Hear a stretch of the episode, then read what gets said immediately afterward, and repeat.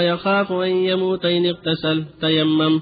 رواه الدار قطني موقوفا. ورفعه البزار وصححه ابن خزيمة والحاكم.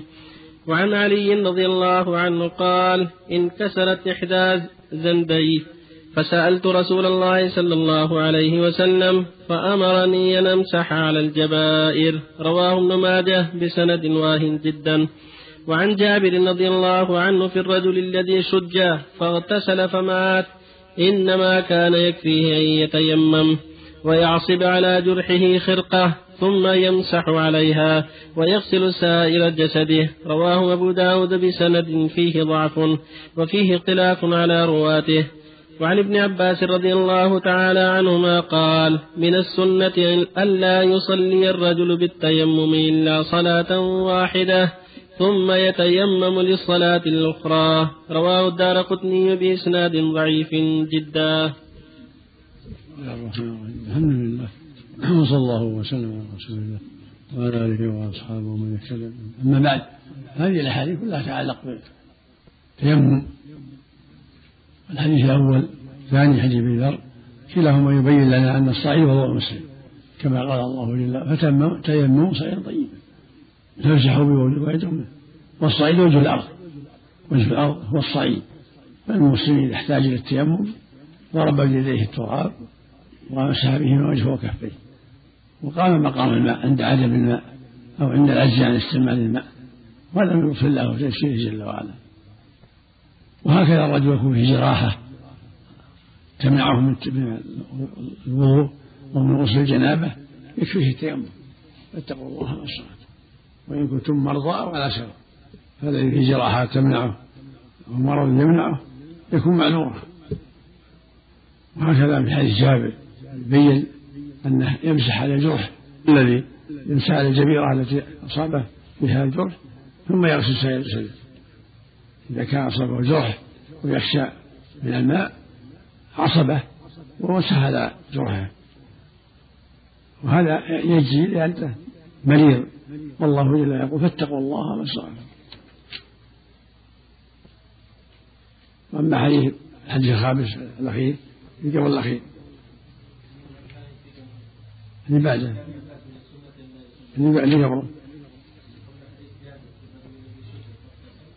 اللي قبله. كذلك حديث علي بن كثرة الزندي حديث ضعيف لكن يشهد له في معنى الأصول. وحديث جابر فيه ظاهر كذلك.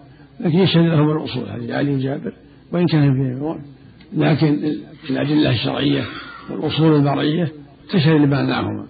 وأنا من عجز عن التيمم لمرض في يديه أو في وجهه وجراحات يكفيه التيمم والحمد لله.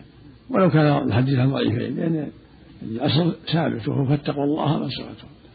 قوله جل وإن كنتم مرضى وعلى سفر فهاتان الآيتان وما جاء في معناهما يكفيان في المعنى وأما حديث ابن عباس من السلطة ألا يصلى الرجل بالتيمم إلى صلاة واحدة فهو حديث ضعيف. والصواب أن التيمم كالماء. لأن الرسول قال بين المسجد وطهور والله يقول فمن تيمم صعيدا طيبا فمن فقد الماء أو منع منه بسبب مرض أو جراحات فإن التيمم يقوم مقامه في رفع الحدث يكون مطهرا له رافعا للحدث فإذا توضأ للظهر جاز يصلي به العصر إذا كان بقي على طهارة. أو توضأ للمغرب جاز يصلي به العشاء إذا كان على طهارة. كالماء هذا هو الصواب أنه رافع. وهكذا حديث ابن سعيد في الرجلين الذين فقد الماء ثم تيمما وصليا ثم وجد الماء فأعاد أحدهم الوضوء والصلاة ولم يعد الآخر. فقال صلى الله عليه وسلم لم يعد أصبت السنة وأجزأتك صلاته.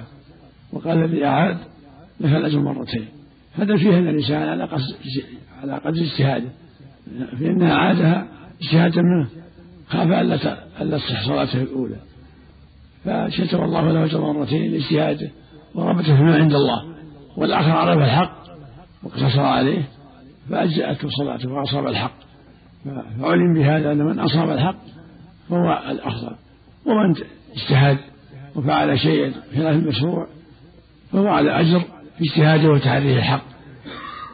لكن ما يمنع هذا من السؤال إذا استطاع أن يسأل لأن الله يقول فاسأل ولا الذكر فإذا جهل يسأل ويتبصر. وفق الله الجميع. قول ابن حزم عفى الله عنك يقول إنه لا يشرع المسح على الجبيرة. قال وبرهان ذلك قول الله سبحانه وتعالى لا يكتب الله نفسا له ساعه وقول صلى الله عليه وسلم إذا مرتكم بأمر فأتوا منه ما استطعتم. فسقط بالقرآن والسنة كل ما عجز عنه. هذا هو المستطاع المستطاع المساجد. كما كما مسح أمر الله مسح الرأس. واسقط عنه الغسل. نعم استطاع تكون بالمسح نعم. انتهى.